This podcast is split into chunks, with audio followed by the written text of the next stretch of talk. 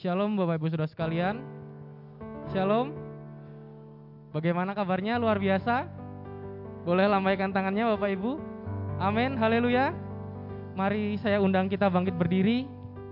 Kita akan berdoa untuk memulai ibadah pada pagi hari ini. Selamat pagi Bapak, selamat pagi Tuhan Yesus, selamat pagi Allah Kudus.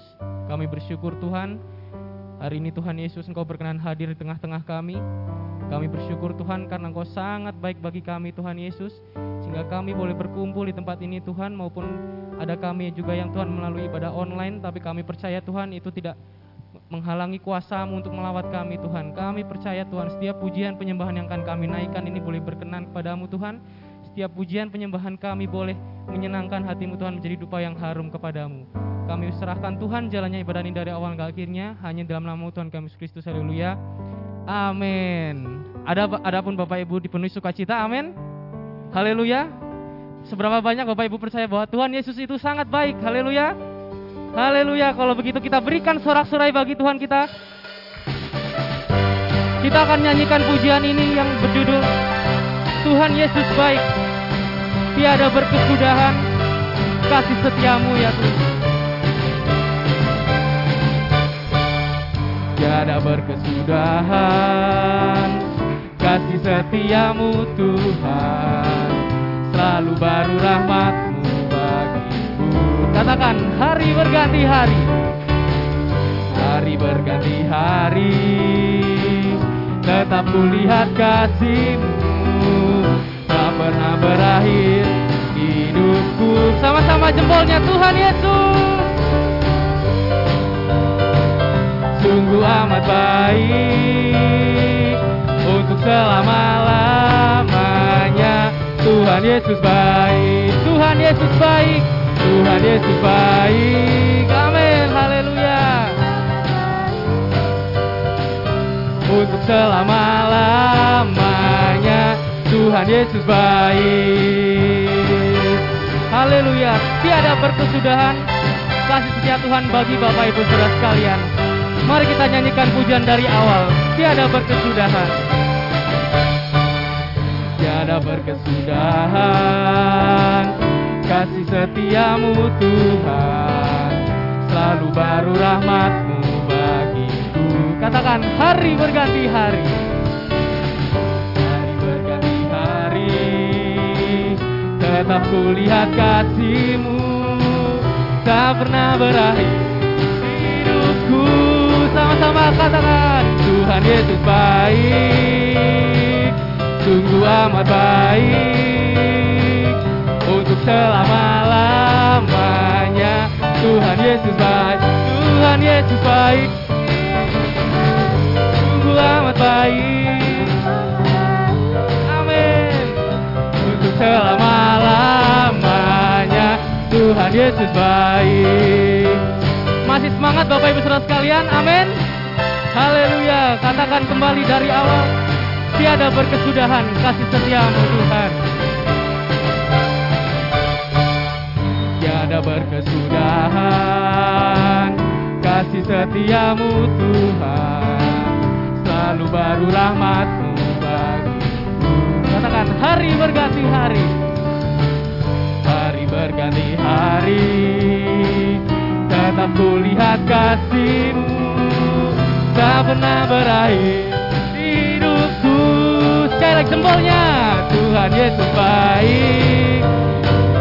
Sungguh amat baik. Untuk selama lamanya Tuhan Yesus baik Tuhan Yesus baik. Haleluya. Sungguh amat baik. Untuk selama-lamanya Tuhan Yesus baik. Mari saya undang Bapak Ibu dengan Tuhan Yesus. Sungguh amat baik. Selama-lamanya. Tuhan Yesus baik. Tuhan Yesus baik. Sungguh amat baik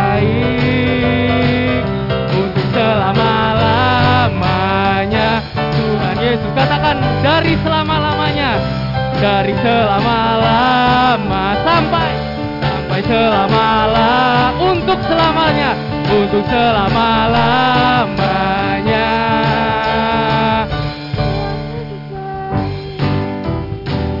Masih semangat Bapak Ibu kita lanjutkan pujian kita yang berkata bahwa tidak ada yang mustahil bagi Tuhan Yesus. Haleluya.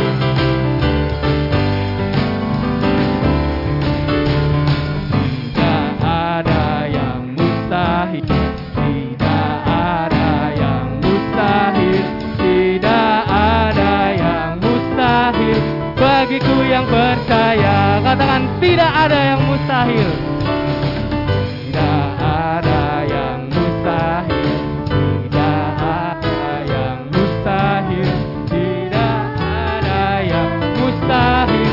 Bagiku yang percaya katakan Yesus.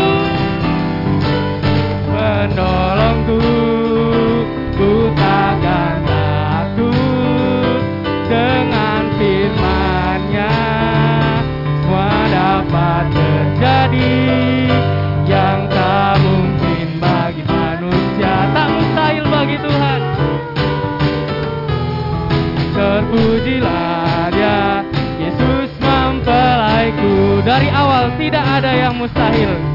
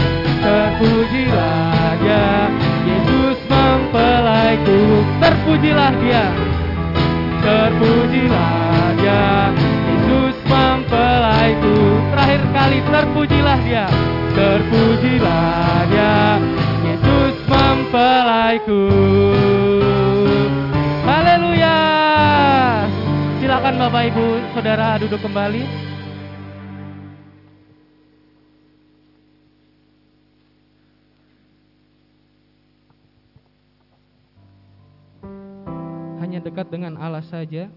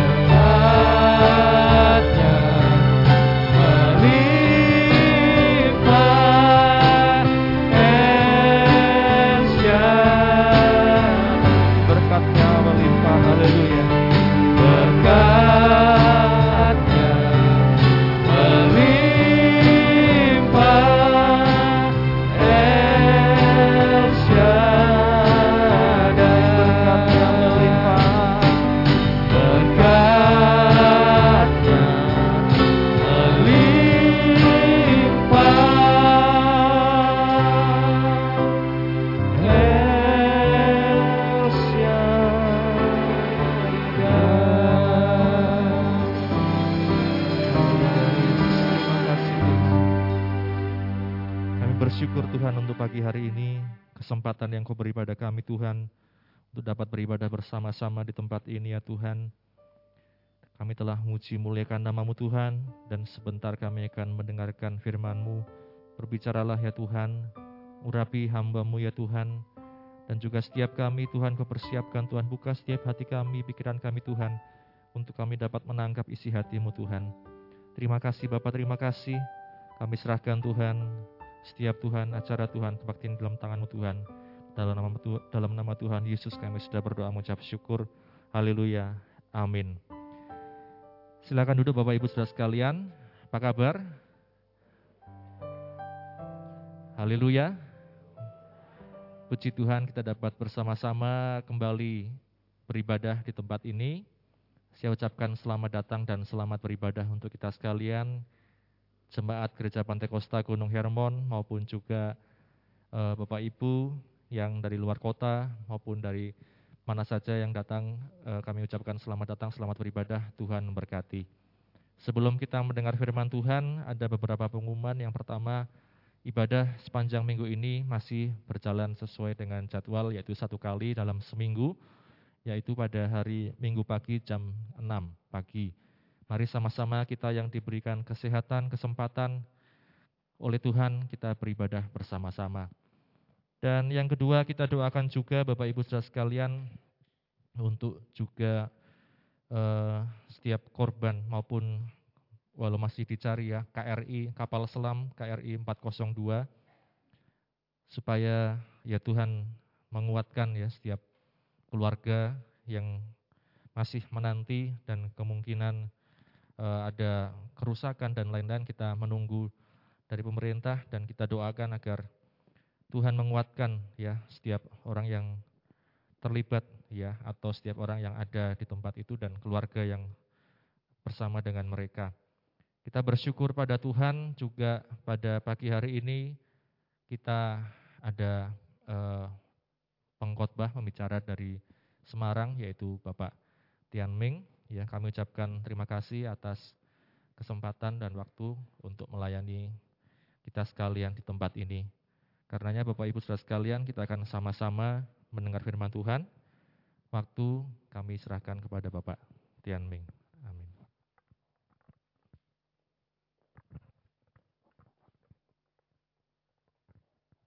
Salam Bapak Ibu. Puji nama Tuhan. Saya bersyukur kembali Tuhan berikan kesempatan pada pagi hari ini untuk melayani di tempat ini. Uh, mungkin bagi sebagian Bapak Ibu di tempat ini adalah, saya ini produk lama ya. Dari tahun 90-an sudah sering kali uh, uh, riwa-riwi di sini ya, di Wonosobo. Tapi mungkin sebagai jemaat baru yang uh, belum begitu kenal ya. Tapi pujian nama Tuhan kembali pada pagi yang indah ini Tuhan beri kesempatan untuk masuk dalam rumah Tuhan dan diberi kesempatan untuk melayani. Pertama saya bersyukur pada Tuhan bahwa setiap kesempatan yang Tuhan izinkan, biarlah hanya untuk bagi kemuliaan nama Tuhan. Uh, berterima kasih juga Bapak Gembala tempat ini, dapat si Ombing ya, kakak ipar saya, terus uh, Bapak Bendera saya dan keluarga semua sidang jemaat. Terima kasih kesempatan yang diberikan. Pagi hari ini uh, kita akan belajar dari sebuah pasal dari Mazmur 73. Sebuah pasal yang uh, perikopnya adalah pergumulan dan pengharapan. Tetapi uh, beberapa waktu lalu Tuhan eh, taruhkan dalam hati saya, saya kasih judul hanya kau Tuhan, tiada yang lain. Kita akan sama-sama lihat, kita akan belajar satu pasal ini, tetapi saya baca dari ayat yang ke-20, 5 sampai ke-28. Dikatakan bunyi firman Tuhan, siapa gerangan ada padaku di surga selain engkau? Selain engkau tidak ada yang kuingini di bumi. Sekalipun dagingku dan hatiku habis lenyap, gunung batuku dan bagianku tetaplah Allah selama-lamanya. Ayat yang ke-27 dikatakan, sebab sesungguhnya siapa yang jauh daripadamu akan binasa. Kau binasakan semua orang yang bercinah dengan meninggalkan engkau. Tetapi aku, aku suka dekat pada Allah. Aku menaruh tempat perlindunganku pada Tuhan Allah, supaya dapat menceritakan segala pekerjaannya. Amin. Saya merenung-renungkannya di ayat yang ke-25. Ini adalah sebuah statement yang luar biasa. Kalau kita lihat dari ayat ke-1 dikatakan Mazmur Asap, jadi Mazmur ini ditulis oleh Asap ya, salah satu orang penyembah pemuji di zamannya Daud. Di ayat yang ke-25 ada sebuah konklusi dia dengan Tuhannya, dikatakan siapa siapakah ger, siapa gerangan ada padaku di surga selain engkau. Selain engkau tidak ada yang kuingin di bumi. Ini sesuatu yang menurut saya yang luar biasa. Pagi hari ini seberapa banyak kita sebagai anak Tuhan punya komitmen seperti yang Asap katakan kepada Tuhannya. Ada banyak hal yang membuat orang mengikut kepada Tuhan. Dan fokus orang kepada Tuhan sering kali ada banyak hal. Mungkin ada orang yang fokus karena kesembuhan, karena berkat, karena teman hidup.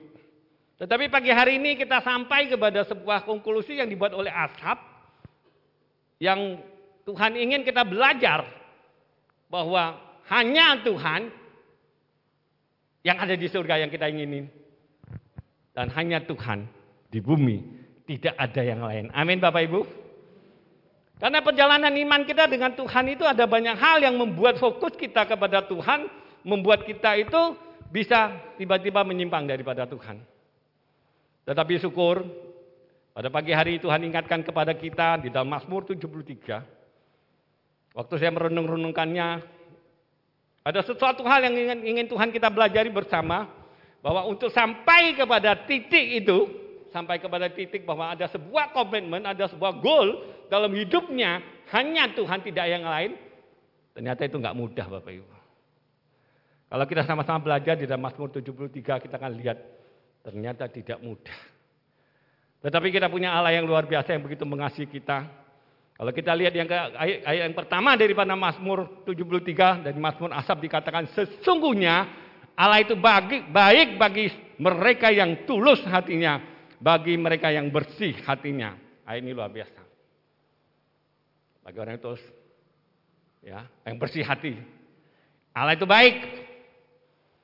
Tetapi kalau kita renungkan, renungkannya, kalau saya tiba-tiba diingatkan Tuhan, kadang-kadang orang hidup tulus, ya, orang yang bersih hati, orang yang baik, orang yang benar, ternyata hidupnya juga tidak mudah, Bapak Ibu.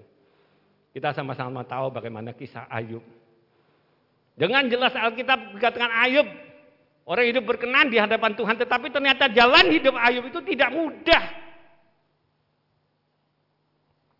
Asa mengalami hal yang sama. Jadi yang pertama di, dikatakan bahwa Allah itu sesungguhnya Allah itu baik bagi mereka yang tulus hatinya dan bagi mereka yang bersih hatinya. Ayat yang kedua dan ketiga terus dia menulis bahwa tetapi aku sedikit lagi maka kakiku terpleset, nyaris aku tergelincir. Kenapa? Jadi yang ketiga memberitahu kita bahwa sebab aku cemburu kepada pembual-pembual kalau aku melihat kemujuran orang-orang fasik, sering kali hidup kita juga begitu Bapak Ibu. Dalam perjalanan iman kita kadang-kadang kita lihat, ini kok orang nggak kenal Tuhan kok lebih enak ya.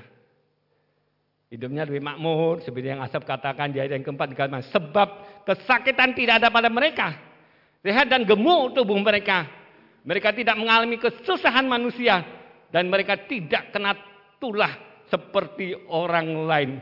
Sebab itu mereka berkalungkan kecongkakan dan berpakaian kekerasan karena kegemukan kesalahan mereka menyolok. Hati mereka meluap-luap dengan sangkaan.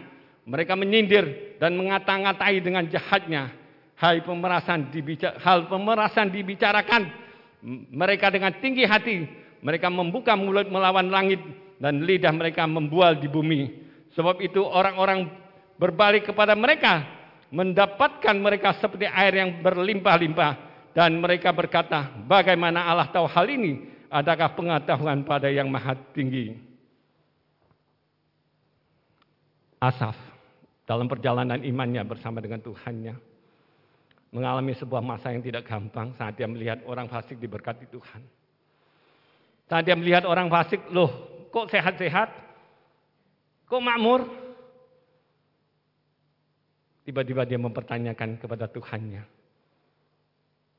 Seringkali hidup kita sebagai orang percaya kepada Tuhan dan perjalanan iman kita, kita mengalami sebuah titik seperti asap. Tetapi bagai hari ini biarlah kita belajar dari asap. Kita tidak berhenti di titik itu. Manusia kadang-kadang dari daging memang begitu. Di saat kita lemah kadang-kadang kita lihat orang itu kok lebih enak ya. Kita sering lihat orang lain lebih enak. Kita nggak tahu setiap pergumulannya. Tetapi asap menuliskan ini buat kita pagi hari ini untuk menjadi sebuah pelajaran bagi sidang jemaat Tuhan di akhir daripada akhir zaman. Di ayat yang kedua belas dia katakan, sesungguhnya itulah orang-orang fasik. Mereka menambah harta, benda, dan senang selamanya. Sia-sia sama sekali aku mempertahankan hati yang bersih dan membasuh tanganku tanda tak bersalah. Asa mengalami kekecewaan dengan Tuhannya. Tetapi untung Asam tidak berhenti di ayat yang ke-13 daripada Mazmur 73. Dia menulis terus bagi kita pada pagi hari ini. Mengajari kita bahwa dalam perjalanan kita kadang-kadang kita mengalami hal yang sama. Kita lihat orang lain kok lebih enak ya. Asap. Sampai mempertahan, mempertanyakan Tuhan. Sia-sia sama sekali aku mempertahankan hati yang bersih. Dan membasuh tanganku tanda tak bersalah. Dalam perjalanan iman anak Tuhan, kita orang percaya kadang-kadang kita mengalami itu. Sehingga ada banyak orang yang berhenti di tengah jalan dan meninggalkan Tuhan. Kenapa? Karena dia tidak sampai kepada ayat yang ke-25. Dia sampai di sini. Sehingga sebagian orang, kaum muda remaja, wanita pria, ada banyak yang meninggal imannya kenapa? Karena pasangan hidup. Ada yang banyak meninggalkan imannya kenapa? Karena ekonomi. Tetapi pagi hari ini kita belajar dari Asaf. Dia tahu kepada siapa dia berharap. Tidak ada yang lain di surga maupun di bumi selain dia daripada dia. Kenapa? Karena dia melewatinya dengan Tuhannya. Saat dia mengalami kebingungan, saat dia mempertanyakan seperti sia-sia hidup kudus, hidup benar di hadapan Tuhan.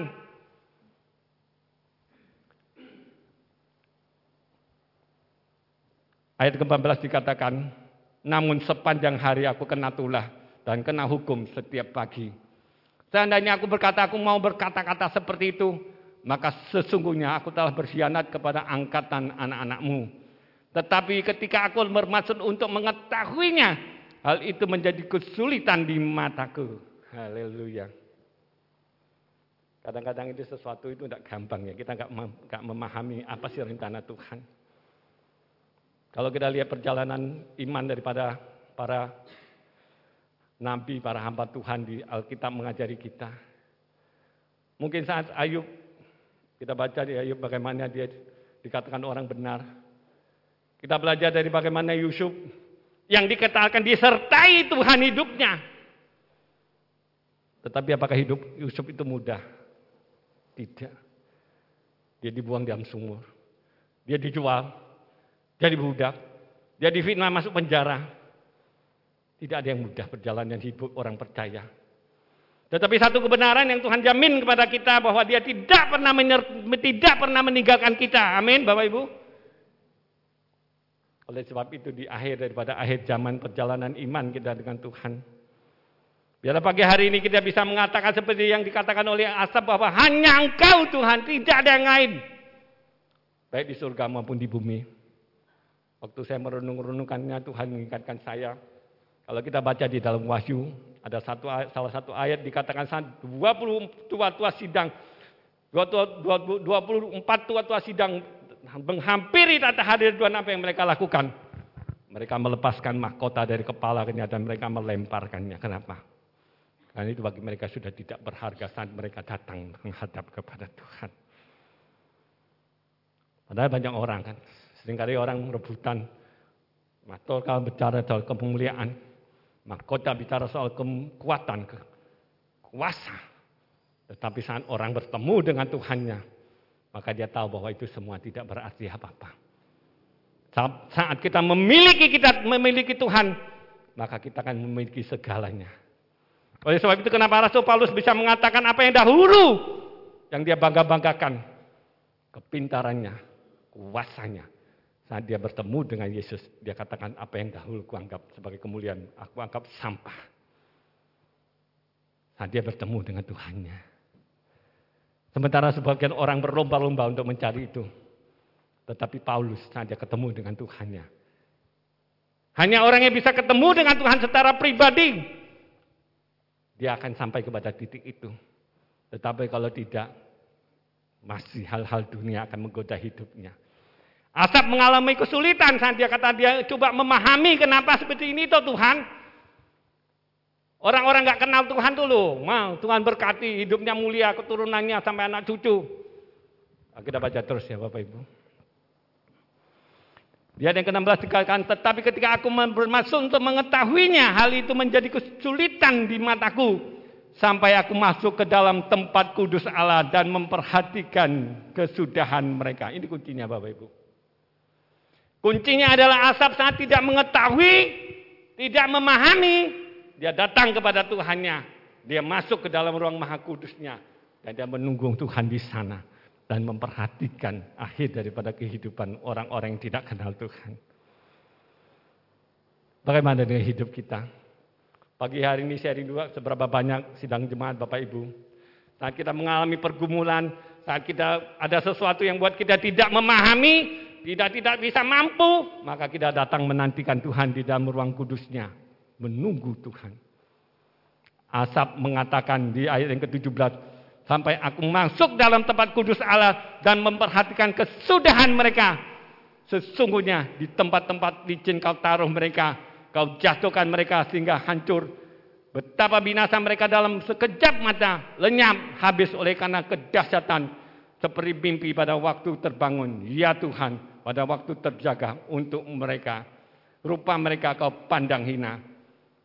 Asap akhirnya melihat akhir daripada, oh ternyata setelah dia masuk ke ruang maha kudus. Saat kita dalam sebuah pergumulan apa pun juga. Saat kita menantikan pertolongan Tuhan, jangan kita biarkan kita di luar dengan kekuatan kita, kita nggak sanggup Bapak Ibu. Kita harus masuk ke ruang maha kudus. Saya tadi pagi tiba-tiba diingatkan Tuhan tentang kisah bagaimana Raja Wali. Dikatakan Raja Wali itu saat dia mendapat mangsa, dia kalau rekam mangsa ya, mungkin misalnya dia ambil ikan di laut, dia seret, dia bawa naik mulai terbang. Saat dia mulai terbang ke atas, ternyata dia dikejar oleh burung-burung pemangsa. Banyak, ngeromulin dia, bahkan matuk-matuk badannya, tapi dia nggak peduli. Dia terus terbang tinggi. Dia terus terbang tinggi dan terbang tinggi dan diikuti oleh gerombolan daripada burung-burung pemangsa sampai sebuah titik tertentu. Saat dia cukup ketinggian yang cukup tinggi, tiba-tiba matahari itu membakar semua musuhnya dan musuhnya mati. Dan dia mencapai kemenangan. Itulah hidup kita sebagai orang kudus. Itulah hidup kita sebagai anak Tuhan saat kita mengalami persoalan. Mungkin dikata-katain, dirasani. Jangan pernah kita buka mulut untuk merespon, untuk mencari kebenaran. Tetapi biar kita terus jalan dengan Tuhan kita. Sampai satu hari Tuhan akan menunjukkan kebenaran itu. Dan musuh-musuh kita akan dikalahkan. Tuhan juga ikatkan saya tadi pagi bagaimana tentang bangsa Israel waktu keluar dari tanah Mesir. Itu bagaikan Raja Wali yang sedang membawa mangsa mereka keluar dengan jarahan yang banyak. Menyeberangi Laut Merah. Saat dia menyeberangi, saat dia ada di pinggir Laut Merah, di Laut Tebrau itu. Mesir dengan pasukannya, Fir'aun dan pasukannya tidak mau melepaskan. Mereka bagaikan burung pemasa yang terus mengejar. Dan apa yang terjadi? Dan mereka melintasi Laut Merah itu. Saat orang Mesir datang dengan pasukan berkudanya, para tentara pilihannya masuk ke dalam Laut Merah itu. Di saat itulah bagaikan matahari yang menirari dengan keras. Burung-burung pemangsa mati, bangsa Israel mati di dalam Laut Merah. Tuhan luar biasa dia punya kita punya Allah yang luar biasa Bapak Ibu. Dia Allah yang bisa kita andalkan. Dia Allah yang bisa kita uh, jadikan sandaran.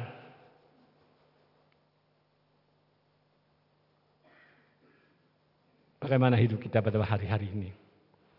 Apa yang menjadi pergumulan hidup kita? Masalah COVID 2019, COVID-19 sampai hari ini juga belum selesai. Ya kita berdoa minta kemurahan Tuhan biar cepat selesai. Tetapi apa pun yang sedang terjadi di lingkaran hidup kita seperti yang dialami Asaf, mari kita masuk di dalam ruang kudus. Mari kita berjalan dengan Tuhan.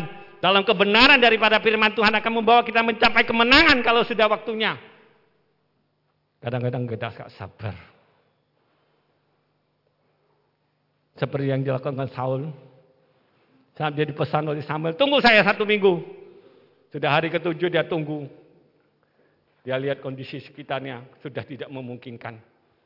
Tiba-tiba dia jadi, wah saya tak turun tangan lah. Dia turun tangan mempersembahkan korban. Baru saja Alkitab mencatat muncul Samuel. Katakan kau bodoh. Kita perlu kesabaran menantikan pertolongan Tuhan. Karena saat puncak daripada puncak apa yang sedang kita pikul, kita akan seakan-akan kita gak punya kekuatan di saat itulah pertolongan Tuhan sudah sangat dekat. Jangan kita melakukan kesalahan seperti Saul. Sangat pertolongan yang sudah begitu dekat, tiba-tiba Saul bertindak. Akhirnya dia dicoret oleh Tuhan. Pagi hari ini belajar kepada Asaf. Di dalam ketidakmengertiannya, tentang apa yang sedang terjadi, yang dia lihat kekecewaannya, tetapi dia tidak pergi meninggalkan Tuhan. Kan ada banyak orang kan Bapak Ibu. Kalau kecewa sama Tuhan, akhirnya dia katakan kepada Bapak Gembala, Ibu Gembala, saya nggak ke gereja dulu. Nanti ya, kalau saya punya masalah sudah selesai. Oh, akan selesai masalahnya kalau sudah dipanggil Tuhan. Kalau kita hidup tuh masalah nggak akan ada selesai, selalu ada. Tetapi kan kita mencatat bahwa Tuhan tidak pernah menjanjikan kita bahwa tidak ada masalah. Kan ada satu pujian bahwa dia tidak pernah menjanjikan langit biru. Tetapi yang dia janjikan adalah sebuah penyertaan kita sampai kepada kesudahan alam. Yohanes 16 ayat 33 dikatakan bahwa di dalam dunia kamu menderita. Tetapi aku telah mengalahkannya, kata Tuhan. Kapan? Saat dia bangkit dari antara orang mati. Dikatakan musuh yang terakhir kisah Rasul bahwa dikatakan musuh yang terakhir yang dikalahkan adalah maut. Dan dia sudah mengalahkannya dan dia mencapai kemenangan. Dan setiap orang yang mengaku dan hatinya percaya, yang jalan dalam kebenaran, jalan dalam firman, jalan dalam pimpinan Roh Kudus akan mencapai kemenangan yang sama. Karena dikatakan roh yang membangkitkan Yesus, roh itu juga roh yang ada tiga di dalam hidup kita. Amin Bapak Ibu. Pagi hari ini Asap mengalami sebuah ketidakmengertian. Tetapi dia datang kepada Tuhannya. Dikatakan di ayat 18 ke 17 tadi dia masuk ke dalam ruang Maha Kudus. Akhirnya dia lihat akhir daripada akhir daripada semua orang-orang yang tidak kenal Tuhan. Di ayat ke-21 dikatakan ketika hatiku merasa pahit dan buah pinggangku menusuk-nusuk rasanya, aku dungu dan tidak mengerti seperti hewan aku didek dekatmu. Tetapi aku tetap di dekatmu. Engkau memegang tangan kananku. Dengan nasihatmu engkau menuntun aku. Dan kemudian engkau mengangkat aku ke dalam kemuliaan. Amin Bapak Ibu. Semua kita ingin mulia kan Bapak Ibu? Semua kita ingin mulia. Tetapi untuk mencapai kemuliaan ada sebuah jalan hidup. Beberapa waktu lalu satu hari Tuhan ingatkan saya. Kalau kita lihat di perjalanan Yesus tiga setengah tahun saat dia melayani di dunia. Tiap hari dia berjalan dengan puasa dan mujizat.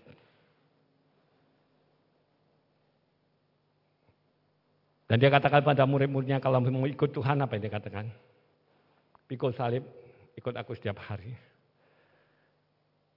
Pada saat Pentekos uh, Jumat Agung kemarin ya, kalau nggak salah Tuhan ingatkan saya. Perjalanan Tuhan tiap hari dengan penuh mujizat, Yesus yang sama yang menawari kepada kita untuk ikut dia ke mana? Ke Golgota. Berjalan dengan dia. Bukan hanya dengan mujizatnya saja, tetapi harus berjalan dengan dia. Masuk di dalam kematiannya di atas kayu salib. Ini nggak gampang. Ini nggak banyak orang yang mau. Hidup dengan kemuliaan, mujizat, pertolongan, sakit disembuhkan, mati dibangkitkan, buta mencelik, kusta sembuh. Semua orang mau. Tetapi saya dia tawarkan perjalanan via Dolorosa menuju ke Golgota. Enggak banyak orang yang mau. Termasuk murid-muridnya. Ada Simon itu pun dipaksa untuk ikut bantu ngangkat salib itu dipaksa sama tentara Roma. Memperlihatkan bahwa pada dasarnya manusia tidak ada yang mau. Kalau sudah hidup menderita. Tetapi Tuhan katakan kepada kita, ikut aku. Pikul salib. Setiap hari. Dan itu firman. Kita nggak punya pilihan. Kita tidak hanya punya pilihan, aku ngambil Tuhan yang enak nih. Mujizat, kesembuhan, berkat. Penderitaan aku nggak mau. Nggak dapat bagian dalam surga. Karena itu satu paket. Tetapi kita punya Allah yang luar biasa. Karena waktu kita jalan dengan dia, masuk dalam kematiannya di atas kayu salib, masuk dalam kematiannya dalam penguburan. Setelah tiga hari, kita akan mengalami kebangkitan bersama dengan dia. Dan tidak hanya berhenti di situ. Dia juga pulang ke rumah Bapa. Menyediakan tempat bagi kita. Setiap orang yang percaya kepada dia, yang menantikan kedatangannya, akan diberikan tempat. Dia Tuhan yang luar biasa mengasihi kita. Asap tahu hal itu oleh sebab itu dia katakan walaupun dia tidak mengerti, walaupun dia mengalami kepahitan sampai pinggangnya ditusuk-tusuk. Dia katakan tetapi aku tetap dekatmu, engkau memegang tangan kananku. Bicara tentang Immanuel. Berjalan dalam lembah kekelaman, berjalan dalam lembah air mata. Di situ juga ada Tuhan yang memegang kita. Saya pernah baca sebuah buku, seorang hamba Tuhan katakan, Tuhan, di dalam neraka sekalipun kalau aku bersama dengan engkau, aku tidak masalah. Asal ada, ada Tuhan saja, tidak masalah. Tetapi itu gampang ngomongnya, tapi jalannya tidak gampang. Kenapa? Adanya banyak tetesan air mata.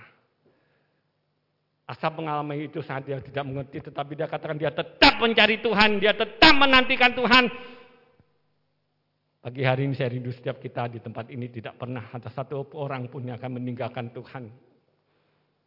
Apa pun persoalan pergumulan kita, kesulitan yang sedang kita, atau bahkan ada orang dalam kelimpahan, jangan pernah meninggalkan Tuhan. Karena kelimpahan itu bisa membuat orang meninggalkan Tuhan. Ada begitu banyak penelitian mengatakan Korea Selatan, Eropa, Amerika yang makmur itu membuat lebih dari separuh orang kehilangan iman. Tetapi pagi hari ini asal mengajari kita. Di dalam penderitaannya, di dalam ketidakmengertiannya dia datang menanti-nantikan Tuhan. Di ayat yang ke-24 dikatakan dengan nasihatmu engkau menuntun aku. Bicara tentang firman Tuhan.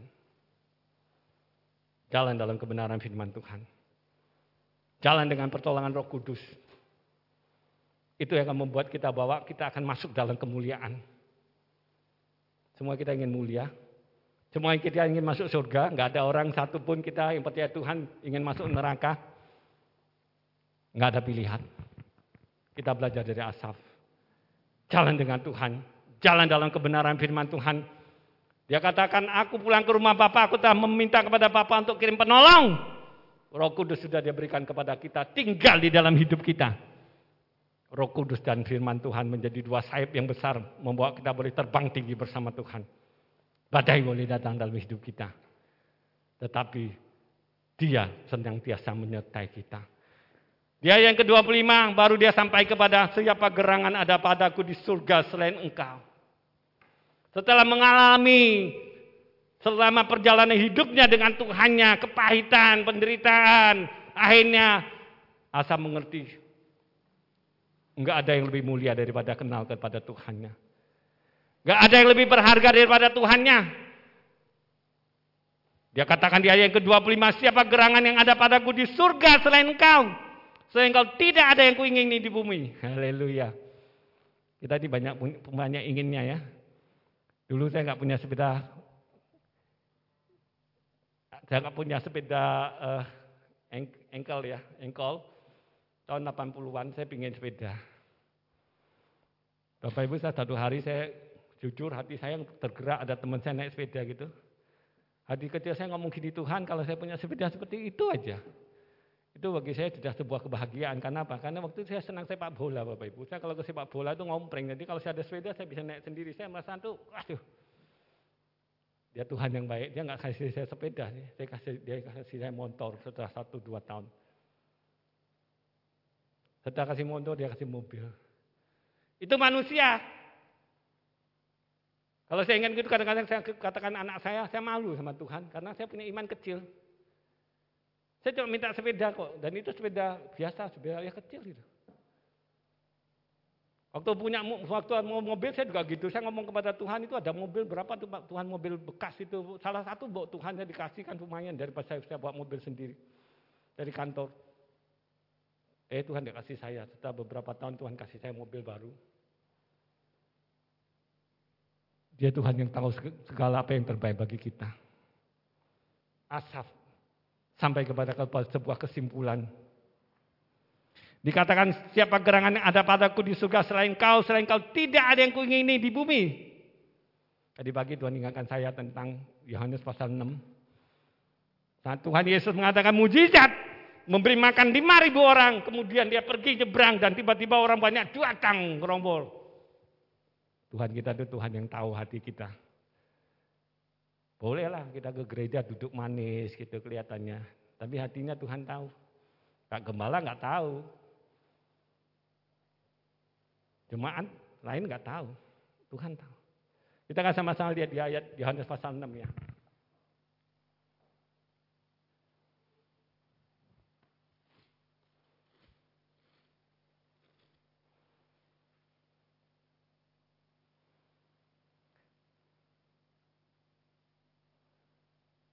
Ayat ke-25 dikatakan ketika orang banyak berkur, ber, menemukan Yesus di seberang laut itu mereka berkata kepadanya, "Rabi, bila mana engkau tiba di sini?" Wah, manis sekali omongannya.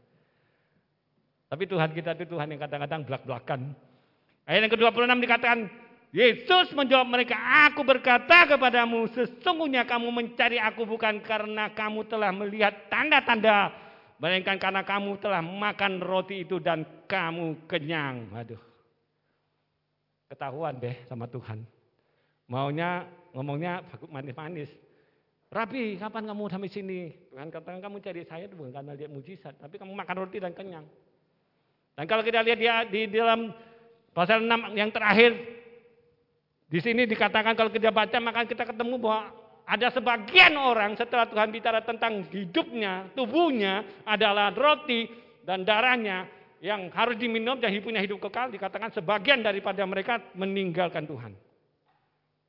Kenapa? Karena mereka butuh roti untuk kenyang sedar jasmani. Tuhan Yesus tidak bicara tentang jasmani saja, tetapi bicara tentang rohani.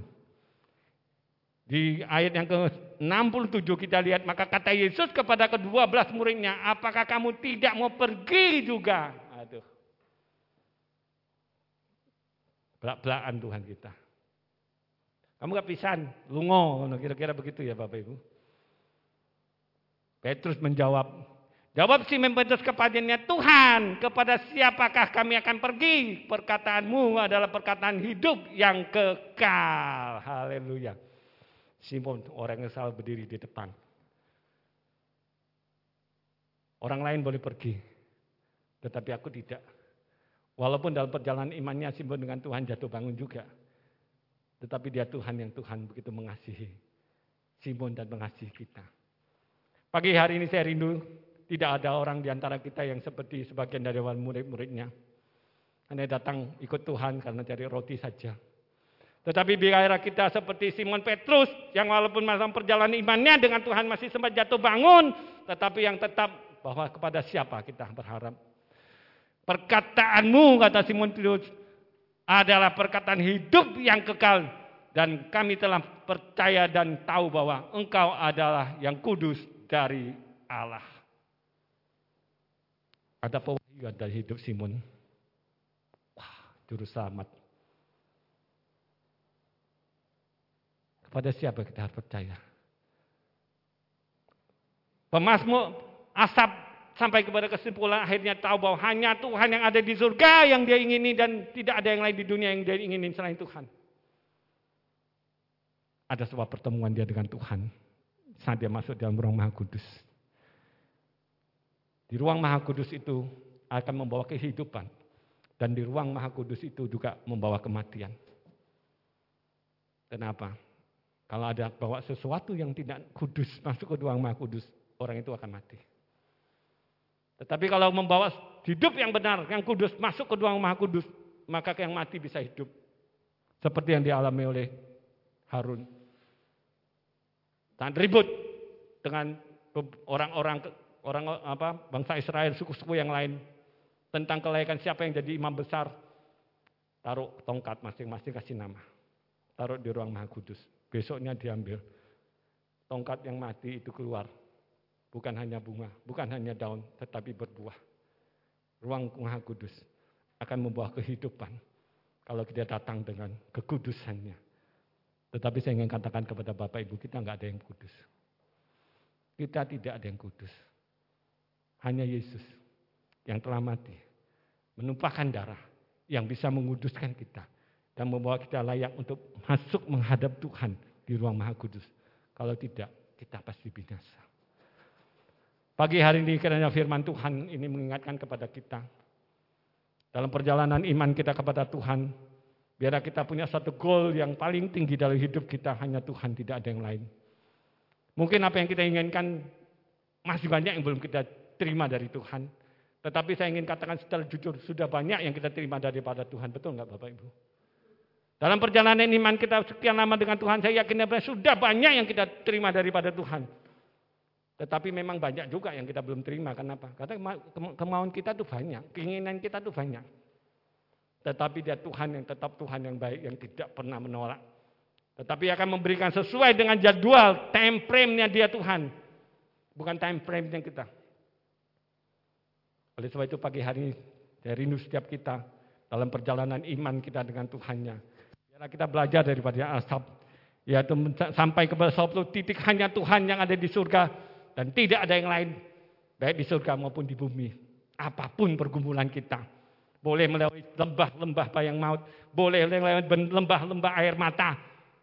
Tetapi kita tetap datang kepada Tuhan. Hidup dekat kepada Tuhan. Hidup dalam kebenaran firman Tuhan.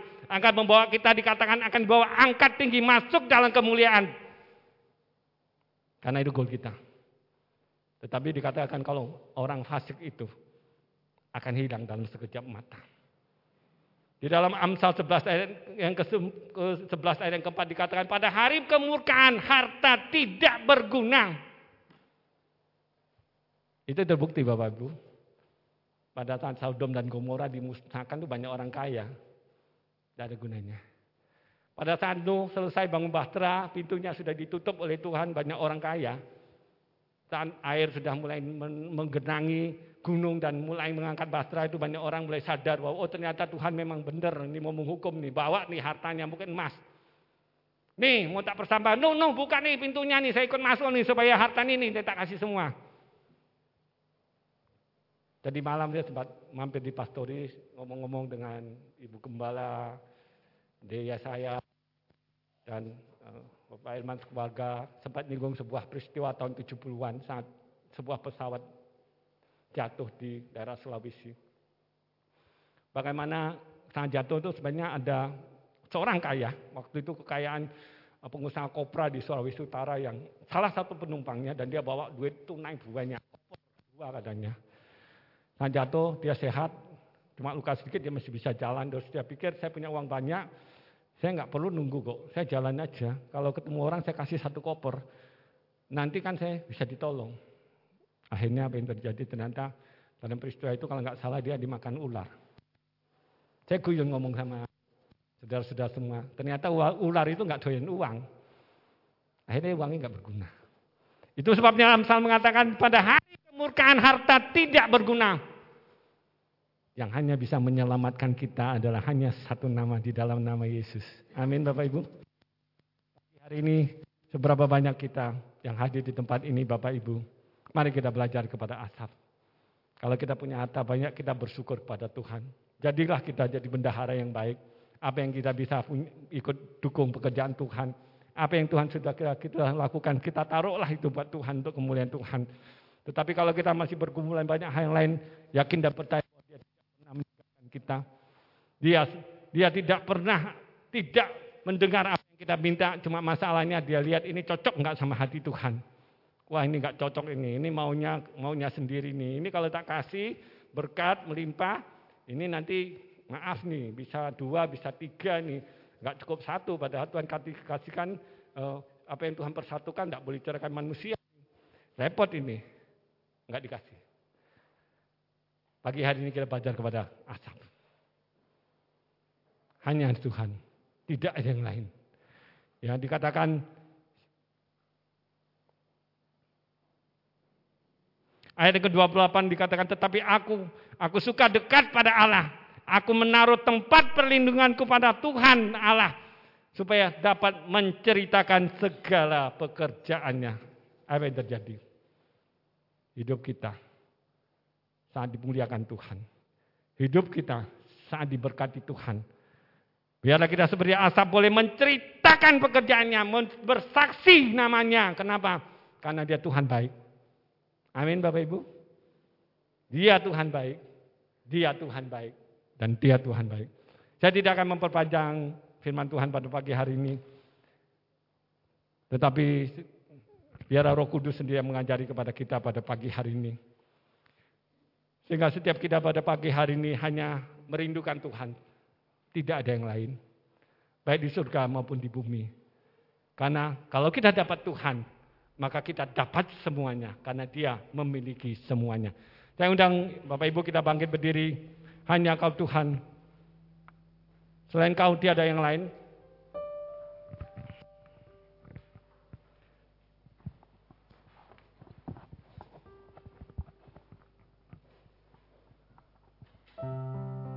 Terima kasih Tuhan. Biarlah ini menjadi pengakuan kami pada pagi hari ini kepadamu Tuhan.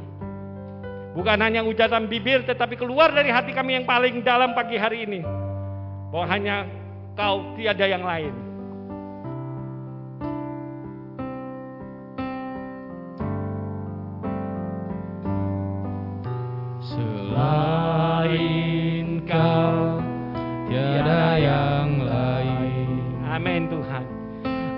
Ada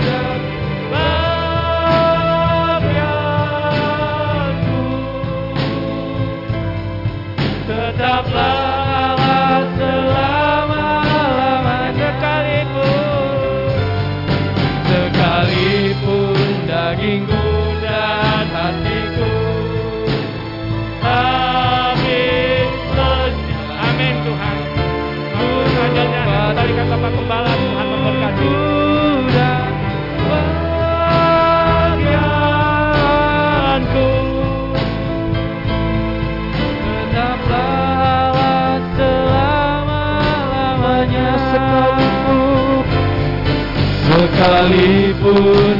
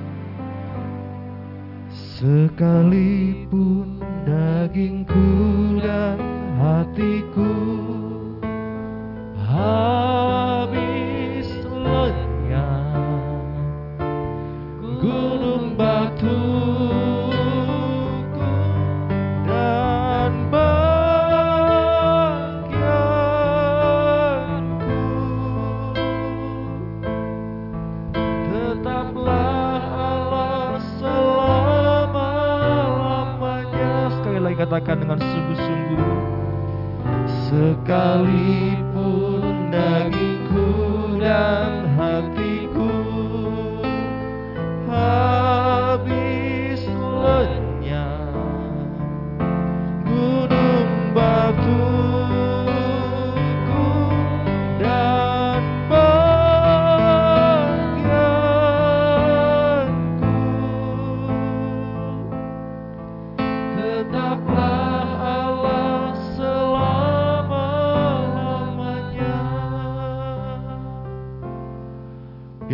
menjadi bagian kami Tuhan sampai selama-lamanya Tuhan.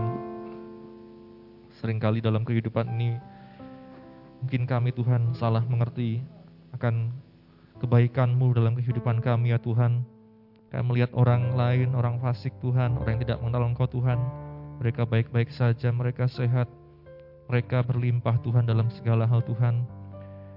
Tapi mari Tuhan, lewat firman-Mu pada pagi hari ini, Kau yang menyadarkan setiap kami Tuhan, untuk dapat Tuhan terus masuk ke tempat kudus-Mu ya Tuhan, berada dekat Engkau Tuhan, mencelikkan Tuhan setiap mata rohani kami ya Tuhan, sehingga kami dapat melihat Tuhan, apa yang Engkau sediakan dalam kehidupan kami ya Bapa. Terima kasih Bapa untuk firman-Mu Tuhan, memberkati hamba-Mu yang sudah menyampaikan firman-Mu Tuhan, dalam setiap Tuhan, keluarganya Tuhan, setiap apa pun yang dikerjakan Tuhan, dalam pelayanannya Tuhan, Engkau memberkati Bapak Tianming Tuhan dan keluarga ya Bapa. Kami juga berdoa ya Tuhan, untuk setiap kami Tuhan di tempat ini Tuhan, Engkau yang bukakan Tuhan, setiap mata rohani kami Tuhan, Karuniakan kepada kami roh hikmat dan wahyu Tuhan untuk mengenal Engkau dengan benar ya Tuhan. Dan jadikan mata hati kami terang Tuhan, sehingga kami dapat mengerti pengharapan apa yang terkandung dalam panggilan-Mu setiap kami Tuhan. Betapa kayanya bagian kemuliaan yang Kau sediakan bagi orang-orang kudus-Mu Tuhan, dan betapa hebat kuasa-Mu Tuhan bagi setiap orang yang percaya Tuhan. Terima kasih Bapa, setiap anak-anak-Mu Tuhan, di mana pun Tuhan, kami yang ada di tempat ini, kami yang mengikuti secara online Tuhan, baik itu dari bayi, anak kecil, remaja, pemuda, orang dewasa, setiap Tuhan, keluarga demi keluarga, setiap lansia Tuhan, Engkau yang berikan selalu kekuatan Tuhan dalam kehidupan kami Tuhan, dalam menjalani hari-hari kami Tuhan, yang sakit disembuhkan, yang lemah dikuatkan, yang susah dihiburkan Tuhan, yang sedang mengalami permasalahan Engkau berikan jalan keluar ya Tuhan. Juga Tuhan, setiap yang bergumul Tuhan masalah pekerjaan ya Tuhan, Engkau yang buka jalan Tuhan, Engkau pertemukan dengan orang-orang yang tepat Tuhan. Mereka yang bergumul dengan masalah pasangan hidup Tuhan, Engkau pertemukan pasangan hidup yang daripadamu Tuhan. Terima kasih Bapak, terima kasih. Kami berdoa juga Tuhan, untuk juga Tuhan, setiap keluarga pastori Tuhan di tempat ini Tuhan. Bapak Ibu Gembala dan segenap keluarganya Tuhan. Engkau memberikan selalu kekuatan Tuhan, kesehatan Tuhan, pengurapan Tuhan, menyertai setiap pelayanan Tuhan, hamba-hambamu ya Tuhan. Dan juga kami berdoa untuk pemulihan Bapak Gembala Tuhan. Engkau yang tolong Tuhan agar semakin hari semakin baik Tuhan. Semakin hari semakin dipulihkan ya Tuhan. Terima kasih Bapak, terima kasih. Kami juga berdoa ya Tuhan untuk juga Tuhan pemerintah kami Tuhan dari tingkat pusat sampai daerah-daerah sampai di Wonosobo ini Tuhan. Kau yang berkati, memberikan kebijaksanaan Tuhan, memberikan hikmat daripadamu Tuhan. Setiap program-program yang dijalankan Tuhan, vaksinasi Tuhan dan lain-lain. Engkau yang menolong semuanya Tuhan. Itu semua Tuhan dapat menjadi jalan Tuhan untuk pemulihan Tuhan bagi bangsa ini Tuhan. Ekonomi, kesehatan, pendidikan Tuhan dan semuanya Tuhan. Engkau yang memulihkan ya Bapa. Terima kasih Bapa, biarlah namamu semakin dipermuliakan Tuhan. Semakin banyak jiwa-jiwa dimenangkan untuk kemuliaan namamu ya Tuhan. Terima kasih Bapa. Kami juga berdoa Tuhan untuk pemerintah kami juga yang sedang bergumul Tuhan, mereka yang mencari Tuhan kapal selam KRI Tuhan 402 Tuhan yang belum ditemukan Tuhan, biarlah Engkau yang menolong ya Tuhan. Engkau yang menolong setiap Tuhan yang terlibat di dalamnya Tuhan, memberikan hikmat Tuhan dalam mereka menentukan Tuhan titik-titik yang tepat untuk mencari Tuhan. Kami juga berdoa untuk keluarga yang menanti Tuhan.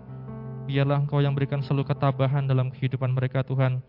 Kekuatan yang daripadamu Tuhan. Apa pun Tuhan yang Kau kehendaki, apa pun yang terjadi Tuhan. Biarlah Tuhan mereka dapat Tuhan tabah Tuhan dan kuat daripadamu Tuhan. Terima kasih Bapak, terima kasih. Kehidupan kami sepanjang minggu ini kami serahkan dalam tangan-Mu ya Tuhan. Biarlah Engkau yang selalu menyertai dan memberkati Tuhan. Apa pun yang kami rencanakan ke depannya Tuhan. Engkau yang mendahului semuanya Tuhan. Terima kasih Bapak, terima kasih. Dan bila Tuhan sebentar kami akan tinggalkan tempat ini, kami akan pulang ke rumah kami masing-masing ya Tuhan. Kiranya Engkau menyertai Tuhan, kami dapat sampai di rumah kami masing-masing dengan selamat Tuhan, dengan damai sejahtera yang daripadamu Tuhan. Terima kasih Bapa. Akhirnya kami tutup, Tuhan ibadah kami pada pagi hari ini. Di dalam nama Tuhan Yesus Kristus kami sudah berdoa mengucap syukur. Haleluya. Tuhan memberkati engkau dan melindungi engkau.